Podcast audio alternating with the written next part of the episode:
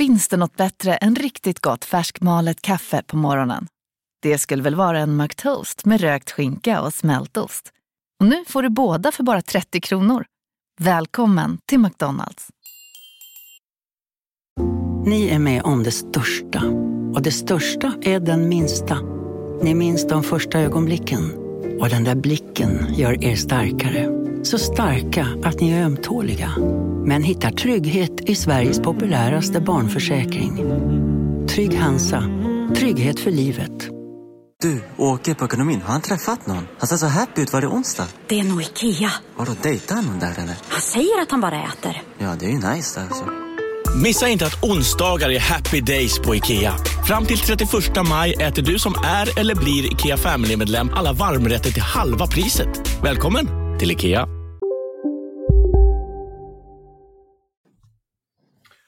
Nu är vi live och igång och kör på distans, Fredrik. Ja, vi gör ju det. Eh, riktigt spännande faktiskt. Vi hade ju egentligen en gäst idag, men eh, det gick inte så bra för Per Trollsveden som skulle vara med på, på Spökpodden. Han eh, fick inte i ordning på tekniken där för att han använde en platta ju. Nej, det gick inte alls bra faktiskt. Så att, eh, det var ju lite skit i maskineriet där som gjorde att vi inte fick med honom idag. Men han kommer ju komma med senare när han har fått ordning på sin dator. Ja, och eh, om inte annat så kanske vi får träffa honom live. Men eh, nu är det så att vi fick ju bara helt plötsligt eh, tänka om här och eh, nu är det så att det är ju bara ett par timmar kvar innan avsnittet släpps och vi bara shit, vad ska vi göra? Men eh, som sagt, vi är ju problemlösare jag och du Fredrik, så att vi kom på en lösning. Ja, vi gjorde ju det. Alltså, problemen är till för att lösa, så det är precis det vi har gjort här idag. Så att det här kommer bli ett eh, ganska spännande och trevligt avsnitt ändå. Vad har du gjort den här veckan då Fredrik innan vi kör igång? Har du haft något kul? Du har ju semester nu va? Ja, precis. Jag gjorde mitt eh, sista arbetspass i Norge här i helgen. Kom hem i måndags och nu har jag semester. Så det är ju helt underbart. Eh, det är ju onsdag idag. Vad har jag gjort i veckan? Måndagen gick väl åt till att ta mig hem såklart. Eh, kryssade gränsen. Det blir ju så när man jobbar utomlands. Mm, det låter inte så spännande. Det låter som att du inte har gjort så mycket roligt än, Fredrik. Nej, jag har varit med familjen. Det är i och för sig roligt. Ja, jag så såg man, Vi spelade ju med video här också, så jag såg verkligen hur du himlade med ögonen när du sa familjen. Alltså. ja, precis. Nej, min familj är fantastisk. Jag älskar den. Verkligen. Vad ska vi prata om idag då, Fredrik? Jo, men vi har, eh, hade ju några rock eller några rock, några S i rockärmen här. Så att vi kommer köra ett par eh, lyssnarberättelser. Ja, ett par, har... en, va? Ja, det är från, eh, från samma lyssnare men han har ett par olika berättelser. Och sen så hade ju du ett eh, spännande ämne också som du ska ta upp.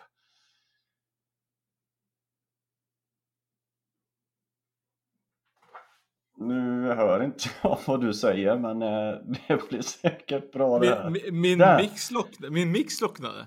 Ja, jag, ja, jag såg det. Du ja. blir helt... Det, vi har nog andkontakt här nu. Det är någon som håller på att busa med dig och din uppkoppling. Vet du vad jag, eh, jag sa? Jag sa jag är en väldigt spännande person så jag ska prata om mig själv sa men det var då micken slocknade så jag tror att den här anden tyckte nog att jag inte var så spännande. Nej, jag tror också det. Vi fick svar på tal direkt. men eh, jag tänker lite grann så här innan vi drar igång så har vi ju ett, eh, ett nytt samarbete och eh, det kan ju vara lite kul eh, för, för er som, eh, som är intresserade av holistiska saker.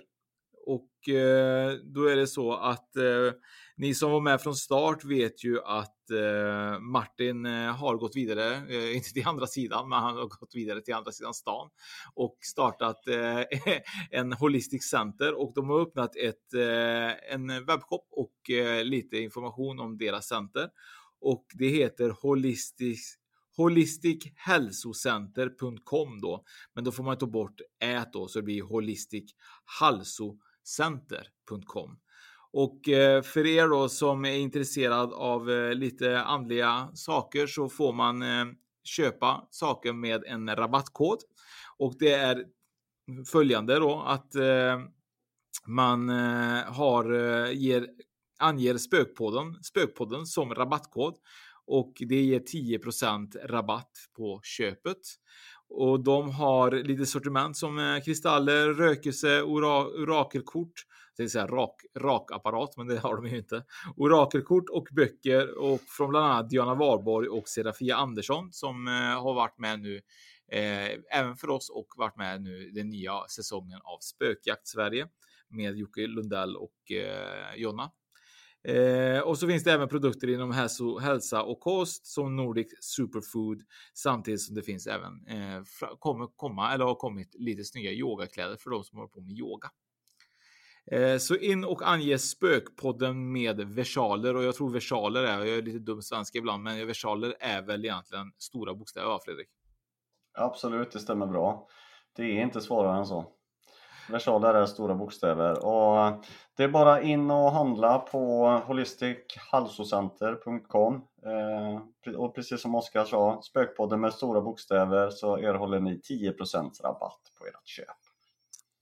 Eh, jag tänkte eh, bara kolla med dig, hör du mig i efterhand eller? För jag ser ju din mun när du pratar i videon här och jag hör det direkt men du verkar hamna lite efter. Ja, det, jag ser att din mun rör på sig och så kommer ljudet sen. Du känns lite som Carola gjorde på Eurovision-finalen där. Ja, precis. Det, det, är underbart när, det, när tekniken är med oss på det här viset. Men det är alltså, man lär sig alltid någonting på det, eller hur? Ja. Såg du på Carola på Eurovision där när hon eh, drog igång där? Nej, jag såg inte Jag var i Norge i helgen och eh, de sänder i och för sig Eurovision, det gör de ju, men vi, jag hade inte möjlighet att gå ifrån för att titta på, på musiktävlingen. Nej, det var lite dumt där Fredrik, för det var faktiskt väldigt roligt. Carola skulle ju, läste ju till då och det var ju väl okej okay då, men så var det ju en hand där i början då som skulle rätta till hennes kläder och så, så det blev lite, lite dumt. Men eh, hon löste det och eh, gick, eh, gick vidare med resultatet. Men jag tänker ibland så här, tror du att Carola är eh, Tror du att man vågar säga emot Carola? Tror att hon är en, eh, tror att hon är en superkändis som ingen vågar säga emot? Typ? Nej, det tror jag inte. Okej okay, att hon är, eh, jag tycker hon är fantastiskt duktig på det hon gör. Hon har en jäkla pipa och sjunger väldigt, väldigt bra. Men jag såg ju henne på eh, så mycket bättre va? var med någon, någon säsong och jag tyckte hon verkade supergod den eh, tjejen så att eh, jag tror att den här respekten som vissa visar eh, andra människor. Självklart ska man visa respekt för andra människor. Det är klart man ska göra, men eh, jag tror att det handlar hur man uppträder själv också lite grann. Sen kanske hon är, är det, driva, jag vet inte. Är hon inte hon superandlig egentligen? Är hon inte det? Det känns jo. inte som att Carola är superandlig. Jo, men hon, eh, hon är väl djupt troende tror jag. Hon har ju alltid, hon är väl, hon sjunger väl gospel och sånt där och så, så att henne hade ju varit fantastiskt intressant att ha med i Spökpodden. Så du menar att Carola hade varit den ultimata eh, personen för dig att ha med i Spökpodden? Eller vem hade varit din dröm att ha med i Spökpodden? Bra, väldigt bra fråga. Um, jag vet faktiskt inte. Ja, någon som hade varit kul att ha med tror jag. Det, det är väl någon utav Det finns en ung kille i USA. Uh, han är väl i 20-årsåldern, uh, jobbar som medium. Eh, jag kommer inte ihåg vad han heter nu, men han verkar störtskön. Jag vet vad du eh. menar. Jag vet inte vad riktigt vad han heter, men han brukar vara hemma hos folk och även kändisar tror jag va? Ja, han åker hem till kändisar och han har sin mamma med sig. Mm. Kanske hon som är andlig så har han en mikrofon i örat så säger hon till honom typ så vad han ska säga. Lite som Anna gör, lite som Anna gör med dig nu. Ja, ja, ja, ja. Det är puppeteer liksom uh, nej, jag hör dig uh, jättebra Fredrik, men jag tror att uh, det kommer bli en sån här redigeringsgrej som att jag kommer få klippa in, typ klippa av så att du kommer närmare mig i konversationen för att det blir en fördröjning för dig. Ja, ja, det är mycket möjligt. Eller så får väl jag börja, jag får börja prata när jag tror att du ska sluta.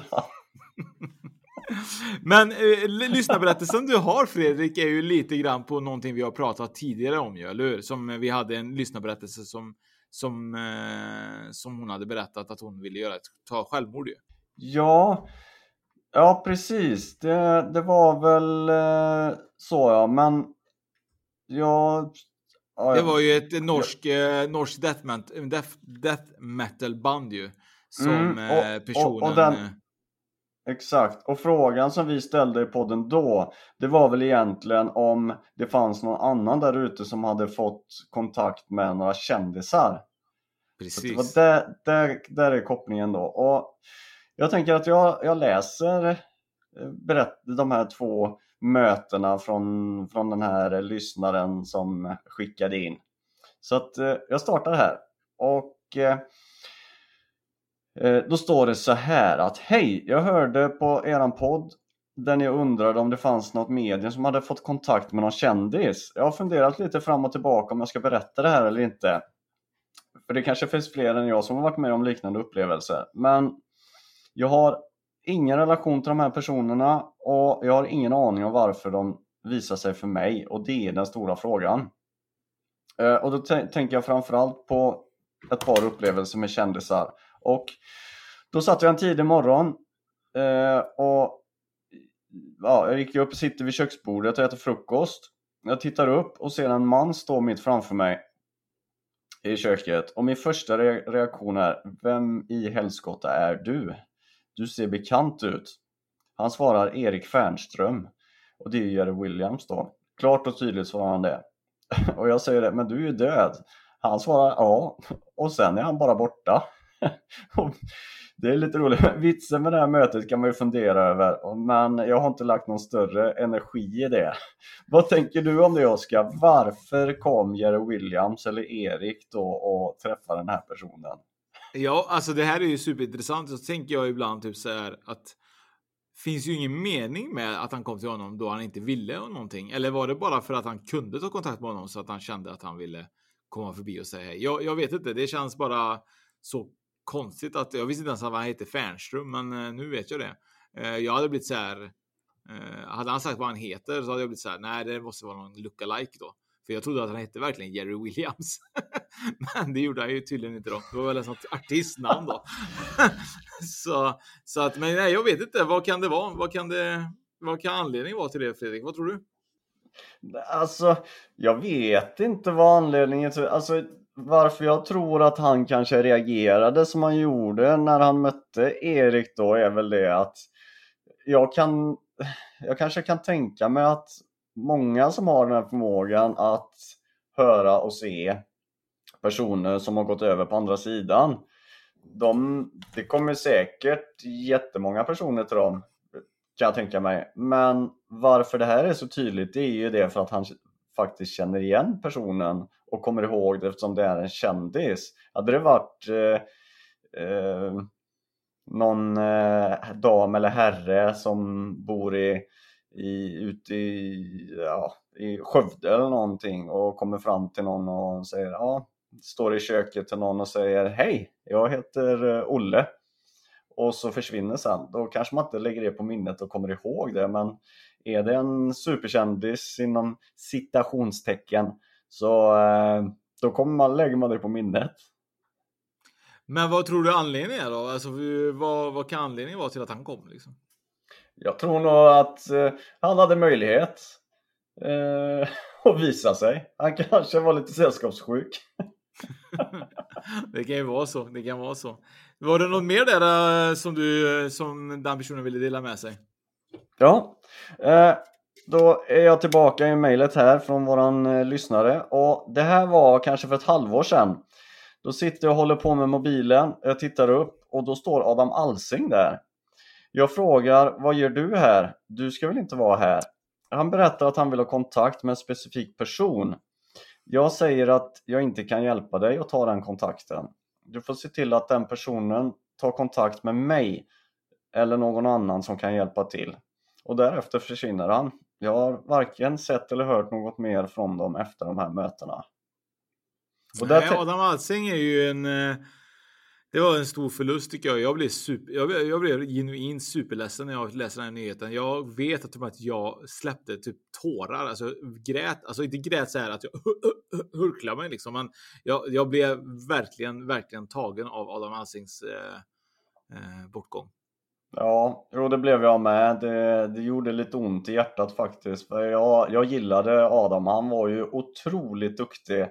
Eh, väldigt allmänbildad och jag Mm. lyssnade ofta på honom på radion. Och jag tyckte han var störtskön. Väldigt bra programledare också. Jag har sett många program som han har varit med i. Och, nej, han verkar vara en väldigt god människa. Jag vet ju eh, att eh, han eh, var väldigt genuin mot andra också. Jag vet att Patrik Ekwall berättar ju att att han var typ en av de få kändisarna som hade runt omkring sig som, hade, som var nära, som var verkligen innan eh, allt det här eh, hände med hans fru och just där att hon gick bort i bröstcancer och så. Att eh, när han fick nyheten att hon var sjuk i bröstcancer så var Adam eh, en av de första som var eh, där och stötte och sa att eh, jag är här om ni behöver. Och, eh, och jag vet att han verkar vara en person med stort, stor hjärta och som du säger, var väldigt allmänbildad, väldigt duktig på sitt arbete och jag, för mig var det nästan, hans bortgång var en ögonöppnare som eh, inför det här med corona och pandemin. Eh, det blev typ plötsligt blev det verkligt att alla är ju dödliga. Det kan hända vem som.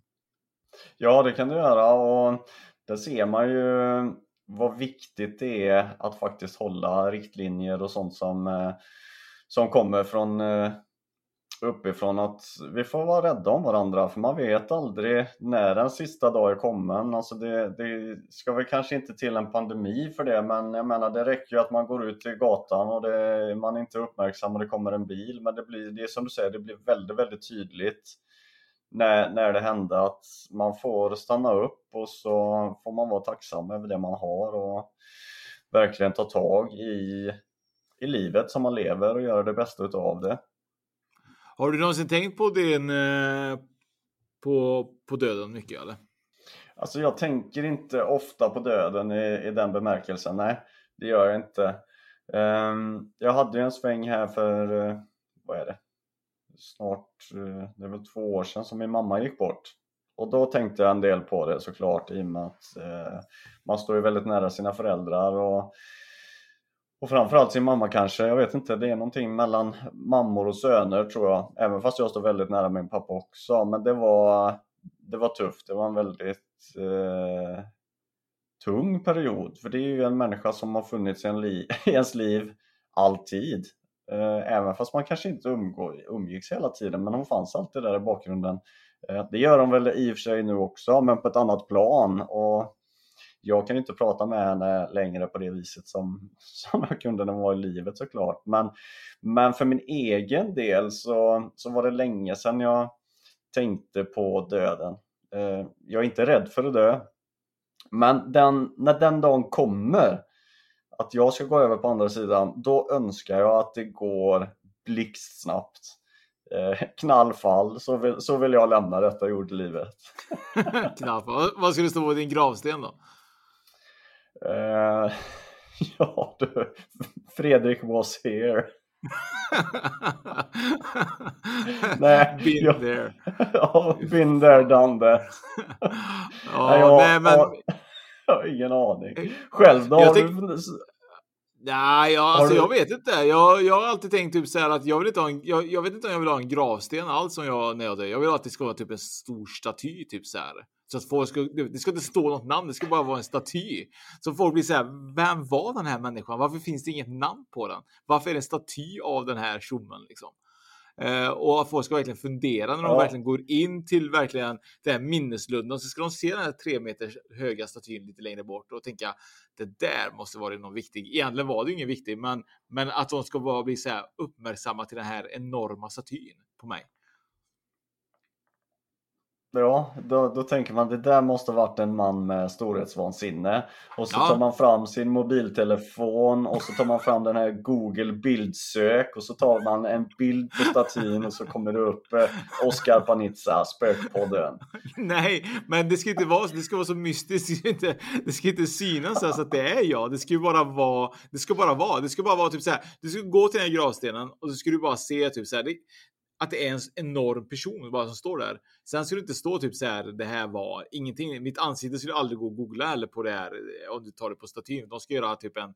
Så jag vet inte om du såg den statyn som var på Cristiano Ronaldo när de verkligen drog bort det här. Eh, tog bort det här täcket ifrån den här statyn så såg han ju nästan ut helt missbildad ut. Det ska ju vara typ så här att det ska inte. Det ska inte riktigt se ut som jag. Det ska ju bara vara en enorm staty. Det här tycker jag är eh, super superkul. Och sen ska ja, du självklart ja, det, komma det dit ju... Ja, jag hade ju kommit och besökt den uh, statyn och ställt blommor under och sådär. Absolut. Men jag är nog också inne på det att jag, jag vill inte heller ha någon gravsten. Jag skulle nog vilja typ som en minneslund eller något sånt där. Ja, men jag, jag, det, min mormor uh, ligger ju på minneslund. Mm. Och eh, jag tycker eh, när jag är där så känns det på något sätt så känns det ganska opersonligt för att jag tänker det så här ligger det jättemycket spridda skurar av aska från alla möjliga människor tänker jag. Och det känns inte typ så här. Jag tänker en gravsten ibland kan kännas skönt att komma till för att det, det känns som att du kan prata till just där du vet att den personen är. Samma som när man kommer till min staty. Du kommer ju se att det är jag och du kommer ju kunna prata med personen och säga ha hej Oskar för de som vet att jag är staty statyn. Eh, men då blir det också mer personligt när du ser och kan prata med, med någonting känns det som. Men jag vet att många människor där ute kommer säga typ så ja, men du kan ja. prata i ditt huvud, du vet, är du med? Men, men på något sätt så känns det ju lite, det känns ju som nu när jag ser dig Fredrik så känns det som att jag verkligen har en konversation med dig. Ja, men det är ju skönt att du känner att du har en konversation med mig när du ser mig. Ja, men, men annars ja, blir det så dumt. Jag, jag, jag, jag, jag, jag,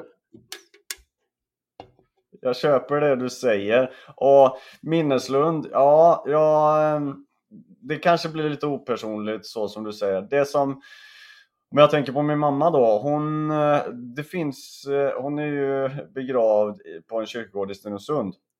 För där eh, bor eh, mamma och pappa nu då. Men där har de något som är ett mellanting mellan en minneslund och en eh, gravsten. Så där där har de en jättefin mur som går runt kyrkogården. Och så är det avsatt längs med den här stenmuren då, eller en sån här, eh, jag vet inte vad det heter, men den är en murad sten med stenar och sådär. Och då... En murad sten sa du precis det? Ja, det är stenar som är murade. ja, precis. Det är, det är en murad sten. Är det. men, och, ja. men där har ju hon, hon har fått sin egen plats där och så sitter det en plakett Eh, så här stor ungefär och så står ju hennes namn och, och när hon är född och när hon gick bort. Då. Så att, men där har vi ju faktiskt en plats att gå till och det kan jag tänka mig. Men det är ingenting som, eh, som behöver skötas på något vis utan det, det, är, ja, det är väldigt vackert i alla fall. Eh, och det är inte en sten som, som behöver omvårdnad på det viset som en traditionell gravplats behöver. Nej, men, se, men eh, prat, kommunicerar du mycket med din mamma nu när hon är borta? Liksom? Nej, det gör jag väl inte till. Hon kommer till mig emellanåt och hon kommer även till min syster och, och sådär. Och hon älskade fjärilar, min mamma. Hon, eh, jag kommer ihåg, jag tror det var när hon fyllde 60, då fick hon en, eh, en, en eh, tatuering utav oss barn av en fjäril och hon blev så glad för det. Så, ja, det var ju för övrigt när vi var, kommer du ihåg när vi möttes när vi var i, var det Turkiet som vi sprang på varandra på semester? Ja.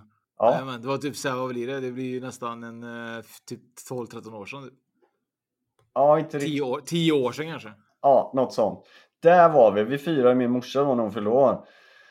Så då åkte vi iväg där när vi på semestern sista kvällen, eller sista dagen där och tatuerade oss. Och då fick hon en fjäril och hon var så stolt över den. Hon har alltid gillat fjärilar. Så att, eh, och det kommer hon som emellanåt, typ de mest konstiga tillfällena. Den, den gången som var mest märklig, det var, jag tror det var i november. Och hon älskar den här jag kallar den för påfågelfjäril. Jag vet inte ens om den heter det. Men, men den har... Jag älskar att hitta på egna namn på grejer. Alltså. Ja, eller hur? Det är inte det bästa. Men den har typ som två klarblå ögon på vingarna tror jag. Ja, jag vet vilken du menar, men du, du ja. behöver inte fråga mig om blommor, du kan inte fråga mig om fjärilar, djur, ja, gris, men, hund och så. Men att en sån kommer i november liksom mitt eh, in och bara flyger in. Uh, ja, jättemärkligt. Så att uh, hon har visat sig på lite olika sätt så. Och... Men tror du att de visar tror, alltså, jag tror du, alltså, förlåt jag skrattar, men eh, jag respekterar din mamma. Men, men jag tänker så här, tror du någon gång typ så här att, vadå, tror du att de blir, att de blir fjärilar eller tror du att de säger till fjärilarna att de ska komma? Är du med? Jag tror, eh, jag tror inte att hon är fjärilen, men eftersom hon hade ett starkt band till fjärilen när hon levde och vi som kände henne visste om det så tror jag att de kanske väljer den formen eller då säger till en fjäril eller vad det nu är att visa sig just för att då förstår man att man tänker på dem. Mm. Eh, eller att hon tänker på mig nu då när det händer. Så att, nej, jag tror väl egentligen inte att hon fysiskt blir en fjäril och kommer flygande. Jag tänker säga att hon inte ligger i en puppa typ i nio månader. för nio... att komma till. Ja. Jag vet inte hur länge man är i en puppa, men, men att man nej, ligger i en puppa för att sen bli en fjäril för att komma och säga hej till dig i oktober månad. det kanske är lite långsamt. ja, precis. Ja, det hade varit snyggt om fjärilar eh, låg i en puppa i nio månader. Ja, jag vet inte hur länge den ligger i den här puppan, men eh, ett par dagar då. En veckor kanske. Det blir ju något att slå upp tror jag. Ja, eh, ja men det är ju superspännande ja. där. Men eh, jag tänker lite grann så här Fredrik, att vi får nästan gå över till, eh, till vad jag ska prata om och inte är det min staty på, på kyrkogården. Eh, jag tänker jag ska prata Nej, om men det tycker jag. Jag ser fram emot det. Ja, det gör det va? Eh, jag sa faktiskt aldrig i början vad jag skulle prata om. Jag tänker lite grann att det jag ska prata om är ju mystiska dörrar. Och eh, det finns ju mystiska dörrar runt om i världen. Det finns ju en hel del av dem egentligen. Eh, man vet inte varför vissa dörrar är förseglade och ska man verkligen öppna vissa dörrar eller ska man inte göra det och så vidare. Eh, känner du till, du sa ju någonting förut om en mystisk dörr som du tyckte och tyckte att det var lite roligt. Du snackade om den blåa dörren på film, i filmen Notting Hill ju. Det kändes inte så mystiskt, tyckte inte jag. Man. Ja. Nej, jag nämnde ju den och nej, den är ju inte jättemystisk. Men vi har ju ändå pratat om några eh, dörrar tidigare, eller portar till helvetet. Men så illa kanske det inte är med dina dörrar här och nu. Nej, så är det inte. Jag har faktiskt eh, lite utskrivet här faktiskt för det är lite lättare att komma ihåg. Men eh, det, det, finns eh, väldigt många dörrar och jag tänker att jag ska ta upp tre dörrar idag. Och den eh, ena dörren är ju då dörren i Taj Mahal. Eh, Taj Mahal är ju en av som sägs vara en av de vackraste arkitekturen som finns i världen och det är ju vallfärdar ju folk hit eh, än idag. Just nu är det pandemin så, så det är kanske inte lika mycket. Men vet du vem och varför eh, Taj Mahal byggdes, Fredrik? Uh, när du säger det så kommer jag veta det, men jag kommer inte på det nu. Det står still i mitt lilla huvud. det här är superintressant. Taj Mahal byggdes 1631 ju, av en man som heter Shahan Jahan, tror han eh, heter. Och den byggdes för att hans tredje fru gick bort när hon skulle föda deras fjortonde barn. Det är ju mer än vad du har idag, Fredrik. Och eh, det, det tog är några tus... fler än vad jag har idag. mm. Och det tog tusen elefanter, det tog 20 000 personer och 20 år att bygga. Eh, och det är någonting som eh, är mystiskt är att det finns en, eh, om man kollar på bilderna som är tagna ifrån flodsidan så kan man se att källarutrymmet är, eh, eller källarområdet om man säger så, är i två, finns två våningar. Och eh, den undervåningen får man inte äntra då och anledningen till det är att det kan finnas många olika teorier. Ett av dem är ju att eh, den är byggd av något som heter metamorf.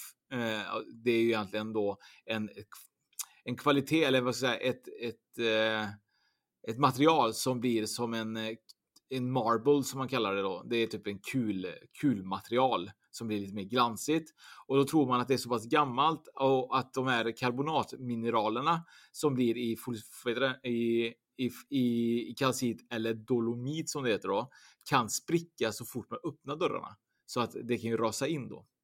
Men det finns ju även en teori att eh, det kan vara så att hans fru är begravd där, där nere för att tydligen... Hej, Synoptik här. Visste du att solens UV-strålar kan vara skadliga och åldra dina ögon i förtid? Kom in till oss så hjälper vi dig att hitta rätt solglasögon som skyddar dina ögon. Välkommen till Synoptik. Upptäck hyllade XPeng G9 och P7 hos Bilia. Våra produktspecialister hjälper dig att hitta rätt modell för just dig. Boka din provkörning på bilia.se xpeng redan idag.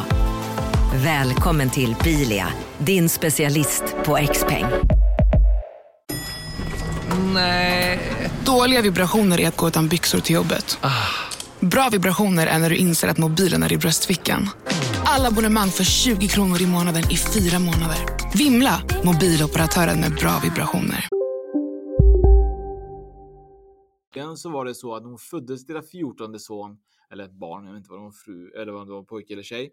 Men när hon eh, tog sitt eh, sista andetag där så sägs det att hon begravdes på platsen och därför får man inte äntra Taj Mahals källarutgång, äh, källarutrymmen då.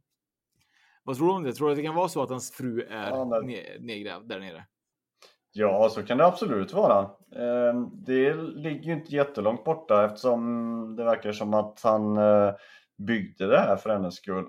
Så att eh, det är väl hennes gravplats då och den ska man väl inte öppna och skända då.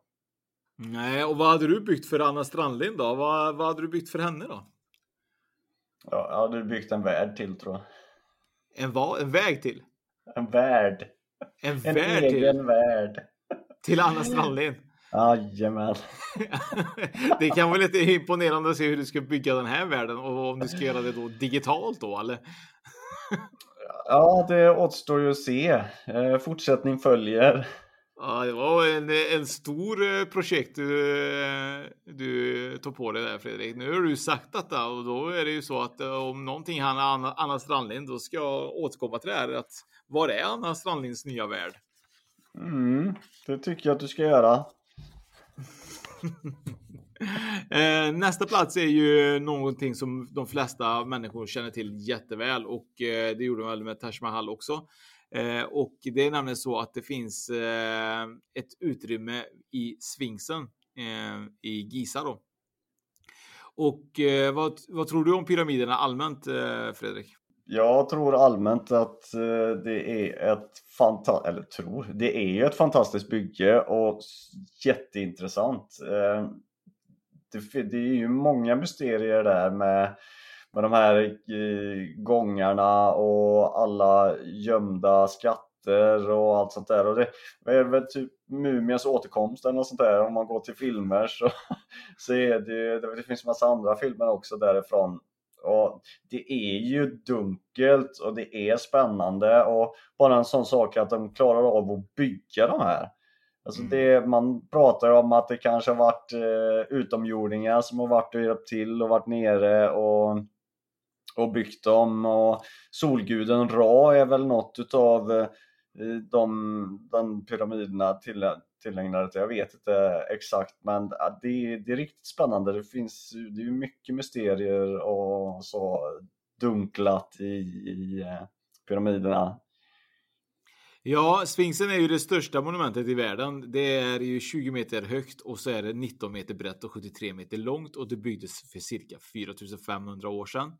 Eh, Sfinxen är ju, jag vet inte om du känner till Sfinxen, men det är en mytologisk figur i både egyptiska och grekiska mytologin och har ett lejonkropp med ett kvinnomänskligt ansikte och vingar. Nu ser man kanske inte vingarna så pass tydligt på Sfinxen, men man kan kolla på de här ribbade delarna som är på sidan så ser man typ att det ska vara vingar då.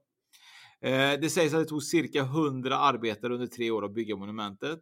Eh, och eh, vad är mystiken kring detta då?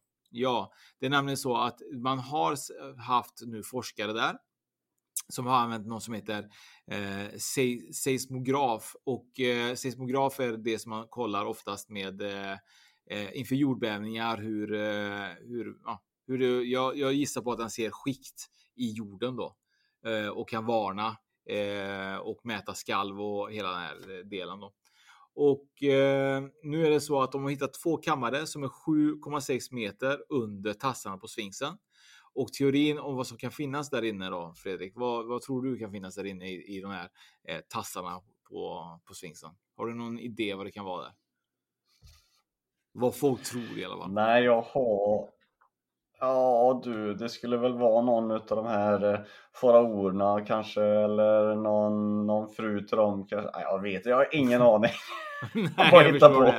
Eh, det, är någon, alltså, det man tror är att de kan ha förvarat hemligheterna hur pyramiderna har byggts och eh, vad är själva livet med meningen och uppkomsten av eh, oss mänskligheten då.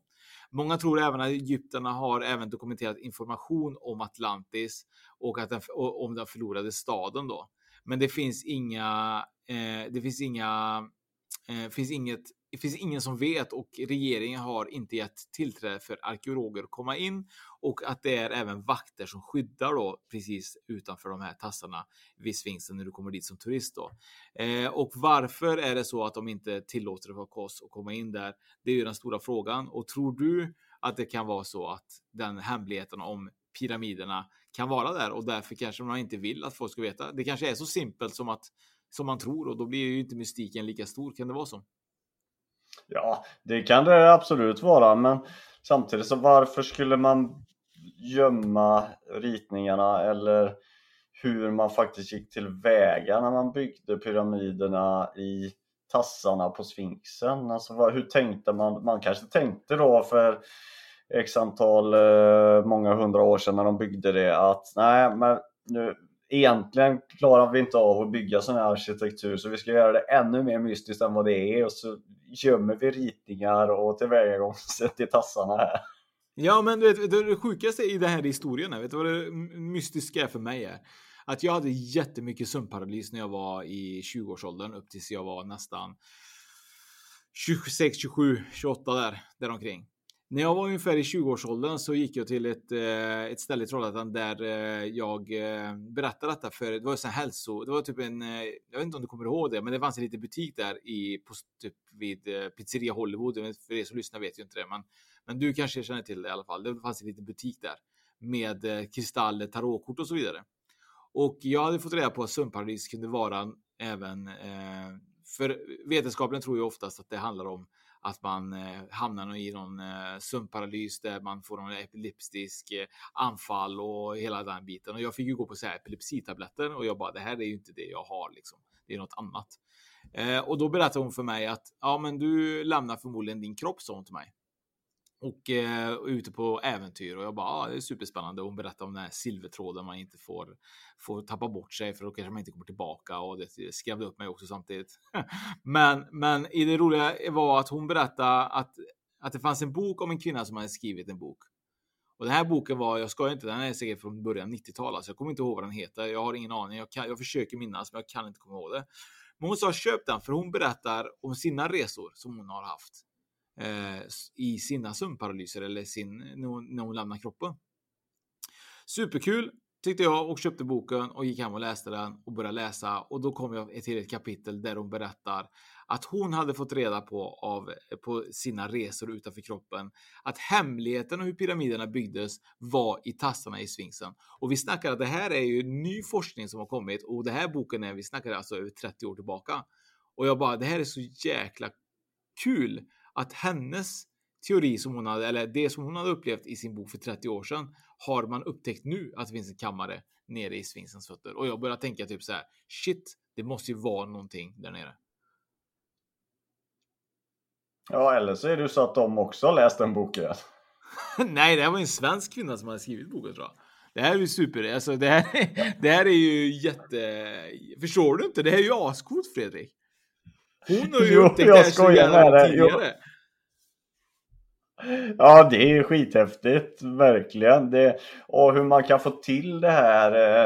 Det, alltså, ja, det, det fördunklas med mysterier, allting där nere. Det... Ja, och sen vad tror du då om Atlantis då? Jag menar, de säger att, eh, att de har information om den förlorade staden Atlantis. Vad tror du om det? Vad tror du om Atlantis? Ja, jag har sett lite dokumentärer om Atlantis och man har ju letat efter Atlantis eh, många, många år såklart. Och det finns ju massa olika teorier om det. En, en teori som, jag, eh, som de tog ut i en dokumentär, det var det att den ligger ju inte på havsbotten idag utan den ligger på land. Och eh, nu minns, nu var det ett tag sedan jag såg det men jag kommer inte ihåg vart de var och leta om jag ska vara ärlig. Um, men att Ja, Atlantis, det, det, tror jag absolut att det har funnits och förmodligen så kanske det är så att det ligger inte alls kvar på, på botten någonstans utan det ligger ovan vatten idag. Det, det tycker jag känns som, det har varit spännande. Jag eh, har kollat en hel del av Atlantis och eh, finns jättemycket att prata om just om Atlantis och eh, vad som hände i Atlantis och hela den biten. Så att, eh, det tycker jag vi kanske ska ta och prata om i ett, i ett avsnitt också Fredrik. Absolut, den är jag med på. Så det tycker jag vi ska sätta oss ner och eh, jobba och göra lite research på. Mm. Mm. Det ska vi. Jag, jag, jag tänker, jag har ju en till dörr och den här är ju supersvår att säga. Den är jättesvår att säga och det är det, det, det heter Sri Padma Bahai Swami Temple. Eh, jag tänker lite grann att vi kan lägga som avsnittsbild så ska vi köra på det här templet för att det är många som känner till det som har förmodligen sett det men har aldrig riktigt eh, förstått eller kunnat säga hur det heter. Men jag tycker att vi använder det här som ett eh, som en coverbild så att vill man in och se hur templet ser ut så kan man gå in på spökpodden Eh, spökpodden.se på Instagram eller Facebook och kika på bilden så får man se vilken vilket tempel jag menar. Eh, och detta tempel då, det finns också i eh, Indien. Det är super, super speciellt. Jag menar, det är supervackert och det, arkitekturen är helt magiskt. Eh, det är känt för att vara eh, speciellt utseendemässigt. Så ni kommer absolut känna igen det. Men nu är det så att det här templet har valv som idag heter A, B, C, D, E och F. Och det är ah, garanterat inte originalnamnet för så jävla fantasilösa kunde inte de här personerna varit. om de har satt på Sre Padma Bahai Swami Temple så heter det här valvet något helt annat. Eh, det som är så jävla kul är att de här dörrarna leder till ett valv som är gjord av eh, valvet leder oss till massiva dörrar som är gjorda av stål. Och de har nyligen har nyligen eller nyligen, det kan vara kanske två, tre år sedan som de har öppnats. Eh, och eh, det som var intressant var att av fem av de här sex dörrarna har öppnats och bakom de dörrarna, vad låg det där bakom Fredrik? Vad låg det bakom de här dörrarna? Du ställer, du, du ställer såna härliga frågor idag. Men du är väl andlig ja, Fredrik? Du, du det, här, men jag tror det låg, det låg ju eh, lite skatter och bakom en dörr så låg det en massa skatter och fina eh, guld och sånt där. Och sen så tror jag bakom någon annan dörr så låg det nog lite matkärl och kokgrejer och sånt där tror jag. Och sen hade vi nog en dörr med gamla kläder. Kanske. jag vet inte. Nej, nej, nej. Du, du hade ju rätt. Det låg ju skatter gjorde det. Det låg eh, skatter, men det sägs att skatterna som låg i de här stora kistorna. Alltså jag tänker i mitt huvud att det låg skatter som du ser när du kallar Anka, Von Anka. Du vet, du kommer in och det ligger guldmynt överallt och diamanter och så vidare. Eh, och tydligen var det så för att skatterna som låg här under, det var värderat till, nu ska jag inte, 10 triljoner dollar alltså. Så jag gissar på att de, jag vet inte vad de gjorde de, det var det värderat, så de ligger väl någonstans gömda så att folk inte ska kunna stjäla det. Eh, men det var värt 10 triljoner dollar. Förstår du hur mycket pengar det är? Eller? Eh, och detta var ju fem av sex dörrar. jag förstår inte det. Och den sjätte dörren då? Ja, den har man inte ja, det öppnat. är ju bara... Vet du varför man inte öppnat den sjätte dörren? Nej, det är... Ja, ingen aning varför man inte öppnat den sjätte dörren. Det kanske var just att det låg som du sa lite gamla kläder. Kanske därför man inte har, har valt att öppna den. Men eh, nej, det är nämligen så att den sjätte dörren så är det en dödlig förbannelse eh, enligt legenden och historierna. Och det sägs om man öppnar den då så kommer man dö en hemsk död. Men det går att upphäva den här förbannelsen genom att man ber en bön, men det måste göras av ett helgon och det kan ju vara lite svårt att hitta ett helgon i dagens läge som skulle kunna göra det. Man ska äntra och be den här bönen då samtidigt då. Eh, men det sägs att en historia och legenderna säger att eh, på 1930-talet så var det ett gäng tjuvar som skulle in och göra inbrott i det här valvet. Och när de började försöka dyrka upp den här massiva ståldörren då så började det dyka upp massa o, alltså oförklarliga ormar överallt. Och de blev så rädda så att de bara sprang därifrån och aldrig kunde bryta upp dörren. Och den här legenden florerar än idag och därför har man inte valt upp den här sista dörren. Vad tror du om det? Tror du att det kan vara så att det ligger en dödlig förbannelse där? Ja, det kan det absolut göra, men eh, jag tycker ändå att någon borde ju testa. Jag menar, kommer det lite massa ormar sådär, då får man ha med sig ormfångargrejer bara.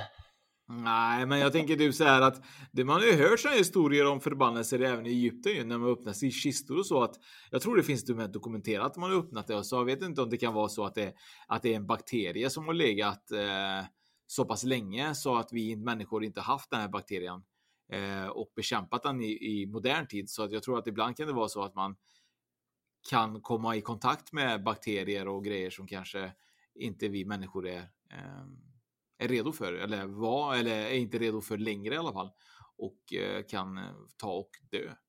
Tror du inte det? Jo, så kan det absolut vara och det kan ju vara om det har varit eh, flera biologiska saker där inne bakom porten eh, och så har det legat där i x antal hundra år och förångat och förmultnats och och sådär. Så att det, ja, det är ju en, en möjlig vetenskaplig förklaring till de här mysterierna. Fast det hade varit mer spännande om det var en förbannelse än om att det var typ metangas eller något annat sånt som sipprade ut där så att man tuppade av av den sakens skull. Det finns ju ett medium som var super, som är eh, superkänd. Eh, jag tänkte säga Baba Yaga, men det heter hon inte. Hon heter Baba Bushka. Nej, inte vad hon heter. Hon är ju. Hon var ju blind, va? Typ halvblind och hade förutspått lite som Nostradamus, men hon var ju ganska betyder mycket eh, modernare tid än Nostradamus då. Eh, och det kan vi också göra ett avsnitt av. Nostradamus är ju superspännande. Eh, men hon hade i alla fall förutspått mm. jättemycket grejer och vissa grejer är ju helt fel, men vissa grejer har ju ändå varit ganska eh, rätt. Men hon har ju en, om jag minns rätt, och det här var länge sedan jag lyssnade på eh, och hörde, hon har ju sagt att mänskligheten ska ju dö ut av att vi när vi första gången kommer i kontakt med utomjordingar. För att människan inte kan, tål inte utomjordingars bakterier och vi kan inte skydda oss mot deras, eh, vi har ingen resistens mot deras bakterier så att det skulle egentligen utrota oss genom att vara i kontakt med dem. Tror du på det? Nej, det tror jag inte på. För då, det skulle ju betyda det att då har vi ju aldrig haft kontakt med några utomjordingar på jorden. Och ja, vi har ju pratat lite om det här tidigare i andra avsnitt att eh, vi kanske eventuellt har fått hjälp med teknik och vår, den tekniska utvecklingen i, i världen eller på, på våran jord och i våran värld. Och det skulle ju fallera allt då. Eller så, Nej, eller det är så inte den, säkert. Den det är en ny utomjording den teorin kan ju vara fel också, att man dör faktiskt inte när man träffar utomjordingar för att vi klarar de bakterierna. Ja, eller så kan det vara att det är en ny utomjordisk ras som kommer som inte vi har träffat tidigare. Det vet man ju inte heller. Så kan det vara. Så kan det vara. Ja, det finns, det finns många teorier. Olika, det finns många olika raser på utomjordingar också. ja, det finns teori på teori och det är det som är så jävla läskigt ändå. Någonting som jag tyckte var superintressant var ju också när jag kollade på häromdagen. Det är faktiskt lite så här parallella universum och, och så vidare. Så det finns ju jättemycket ämnen vi kommer kunna prata om Fredrik. Ja, när man pratar om parallella universum och sådär så just eh, tid är ju också superintressant. Tänk om man kunde åka tillbaka i tiden och ändra en händelse och den lilla händelsen som man ändrar skulle ju ändra framtiden. Men mm. i och med att vi har åkt tillbaka från framtiden, vad händer med oss då? Jag vet det, alltså, jag kan inte prata tid alltså. För mig är det så här, det är så mind blowing att jag, jag, kan inte, jag kan inte greppa, jag greppar inte ens tillbaka till framtidsfilmerna nästan.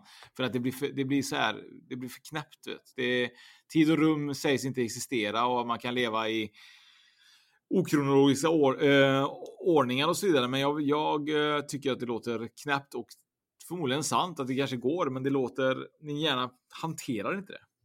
Nej, men det är ju, det är ju svårfattat och det är som du säger, när man väl börjar och tänka på det med tid och rum och vad som händer och inte händer och om man skulle handlat på ett, man handlar på ett sätt och vad skulle hända om man och hade möjlighet att åka tillbaka och handla på ett annat sätt.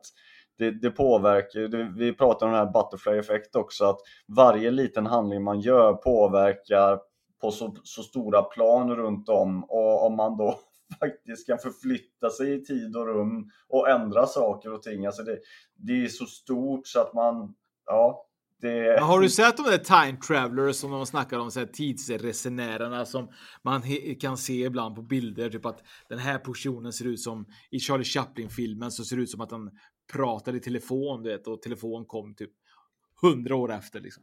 Eh, vad tror du? Tror du att det är möjligt eller tror du att det finns för tidsresenärer allmänt? Um, väldigt bra fråga. Jag vet, alltså va varför skulle det inte finnas? För vi har pratat lite om det här att allting är energier och eh, saker och ting har en egen frekvens, en egen vibration. Så varför skulle det inte kunna vara så att man kan existera på olika plan samtidigt? Och, eh, men här har vi det kopplat ihop med teknik då som vi har idag som inte fanns då. Och det gör ju det ännu mer spännande. Så att, men varför inte? Tidsresenärer, absolut. Kom och hälsa på oss. Det hade varit kul om det finns en tidsresenär där ute som lyssnar på podden och skulle vilja dela med sin historia. Och nu är det så att eftersom vi spelar in digitalt nu, Fredrik, så öppnar det upp väldigt mycket, möjligheter för nya gäster. Det gör det. Och det är jättespännande och det kommer vi kanske inte bli, får eh, resa så långt som till Afrika här i år. Eh, Nej, det kan ju vara så. Vi kanske får stanna kvar i Sverige. Men, men jag tänker lite grann, det kan ju vara så att det kan finnas eh, lyssnare och så vidare som har allmänt intresserade, alltså intresserade, intressanta avsnitt, eller avsnitt, intressanta historier, förlåt, eh, som de kanske vill dela med sig av. Som kan, det behöver inte vara så himla långa, det kan ju vara lite bonusavsnitt, det kan vara en upplevelse man har haft just med en tidsresenär eller man har träffat en utomjording eller man har varit med om, eh, jag vet inte, man har åkt tillbaka i tiden eh, en morgon eller gått in i en parallell värld eller vad som helst. Eh, så att det finns ju även möjlighet för det. Ju. Ja, det gör det. Det öppnar ju upp det mycket, mycket för oss när, när vi faktiskt kan träffas på länk så här. Man får ett ansikte på varandra och man blir mer delaktig och det, det öppnar upp och det kommer bli jättespännande framöver här. Vi har ju en mm. del nya gäster och roliga projekt på gång här som, som man får vänta och se på. Mm, nu är det så att du kommer få en bakläxa av mig Fredrik. Och det är till nästa gång så får du se till att ha en lite snabbare bredband va? För att eh, nu kommer jag få sitta och klippa ihop dig till en närmare röst än vad du... Eh, nu, annars blir det för mycket space va? Så att eh, nästa gång får du antingen gissa vad jag säger eller så får du skaffa dig snabbare bredband. Du, om vi ska vara ärliga så var det någon som, som sa här precis innan vi började att jag tror fan jag har sämsta internetuppkoppling här utav alla. Vem var det? Ja, jag vet det, men när jag ser egentligen, eh, när jag ser dig prata så kommer ljudet rätt för mig. Men jag ser när jag pratar på min videokamera så kommer det, eh, så kommer ditt svar väldigt sent här. Ja, det, det, kan jag inte svara på vad, vad det beror på. Så, så nästa gång så antingen ses vi live eller så spelar vi på distans. Det får vi se då. Men det har varit jävligt kul att få prata med dig då Fredrik. Ja, detsamma. Jag tycker det, det är alltid roligt att prata. Eh, tillsammans med dig och andra också naturligtvis. Men eh, det här är kul. Det här är kul ja. Eh, vill man in och kolla och förresten, vi har ju runt och pratar. Vi har ju eh, seans online ju. Det är ju någonting som vi måste, eller måste, måste, men det är ju jättekul för våran del eh, att prata om. Jag tycker det är jättekul att folk har eh, verkligen börjat köpa biljetter och eh, nu är det så att nu drar ju snart den första seansen igång. I, vad blir det? Den eh, 28 är det va? Imorgon. Är det 28 imorgon? Nej. Torsdag 29. Nej, det är, 26, det är den 26 idag, så det blir på fredag va? Mm. Det är den första seansen. Och för er... Och för er som inte vet vad Seans Online är så är det ju så att eh, vi har eh, startat en plattform för medium där de kan ha seanser via länk. Eh, där man är med och deltar. Man ser mediumet som man köper biljett hos och eh, det blir en, en personlig upplevelse. Eh, nu i coronatider och allt och stora folksamlingar får vi inte ha. Så att eh, man, blir, man ser den man pratar med och det, nej, det är en häftig plattform som vi byggt upp för det här.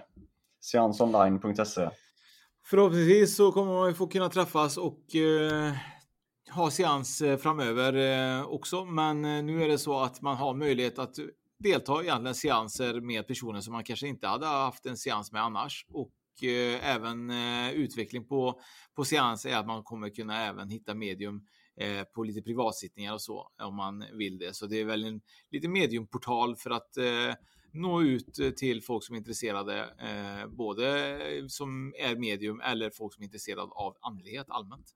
Så det här är en superspännande projekt som vi håller på med och vi hoppas att ni är med och eh, stöttar. Om man inte vill vara med och köpa en biljett så får man självklart dela våra inlägg för folk som är intresserade av just detta och hjälpa oss att växa. Eh, någonting som är väldigt, eh, som jag tycker är viktigt att prata om, att de flesta av våra samarbeten vi har egentligen via podden är inte pengargenererande till oss varken via streams eller av folk som lyssnar eller våra samarbeten. Vi brukar alltid oftast få någon produkt och så vidare eh, till oss själva. Och eh, många andra poddar och så vidare, de får ju jättemycket reklamintäkter för att de eh, har kanske rätt forum att prata om eh, saker som eh, passar många andra. Eh, vi är ganska nischade. Eh, så att eh, vi tycker att vi, vi försöker förtjäna våra pengar genom att skapa Eh, plattformar som eh, New Kind of Weekend eller eh, Seans eh, online då. Så att vi kämpar ju för våra pengar om man säger så. Vi försöker slå ihop våra kloka huvuden och det gör vi verkligen. Svettigt. Så är det, eller, så är det. Du? Jag håller med föregående talare. Men det är ju så. Vi, vi försöker ju hitta på en plattform som, eh, som kan vara nyttigt för andra. Så att eh, nu är det så att de plattformar vi utvecklar är ju för att folk ska få en upplevelse också. Så det är inte bara att vi ska sitta och prata och tjäna pengar, för det är ju inte det vi gör. Vi försöker ju hitta ett sätt att tjäna pengar för att utveckla podden och vår Youtube-kanal genom att erbjuda något tillbaka till våra lyssnare.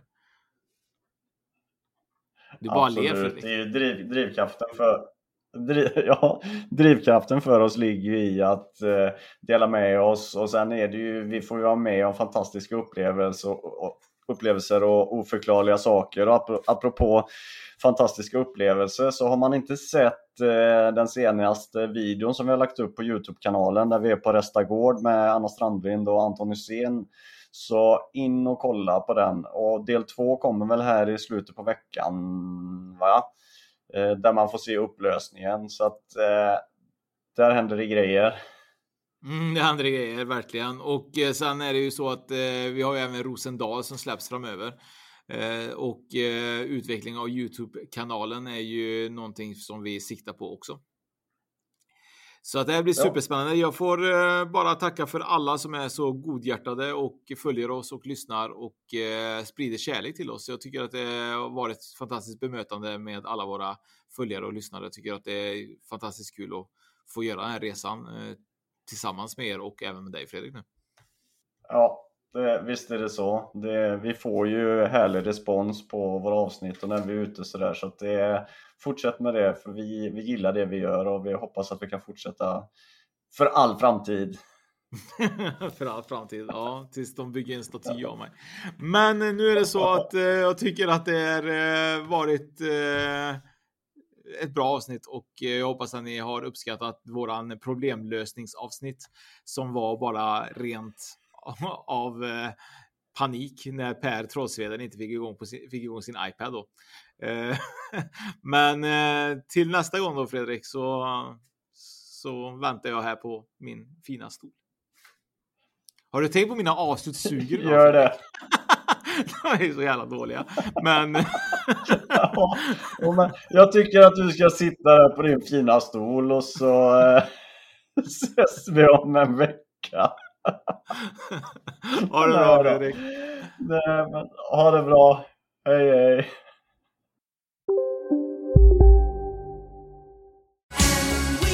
Just nu till alla hemmafixare som gillar julast låga priser.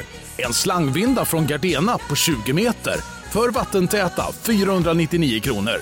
Inget kan stoppa dig nu. Välkommen till Unionen. Jo, jag undrar hur många semesterdagar jag har som projektanställd och vad gör jag om jag inte får något semestertillägg? Påverkar det inkomstförsäkringen? För jag har blivit varslad, till skillnad från min kollega som ofta kör teknik på möten och dessutom har högre lön trots samma tjänst. Vad gör jag nu? Okej, vi tar det från början. Jobbigt på jobbet. Som medlem i Unionen kan du alltid prata med våra rådgivare. Hej, Susanne Axel här. När du gör som jag och listar dig på en av Krys vårdcentraler får du en fast läkarkontakt som kan din sjukdomshistoria. Du får träffa erfarna specialister, tillgång till lättakuten och så kan du chatta med vårdpersonalen. Så gör ditt viktigaste val idag, lista dig hos Kry.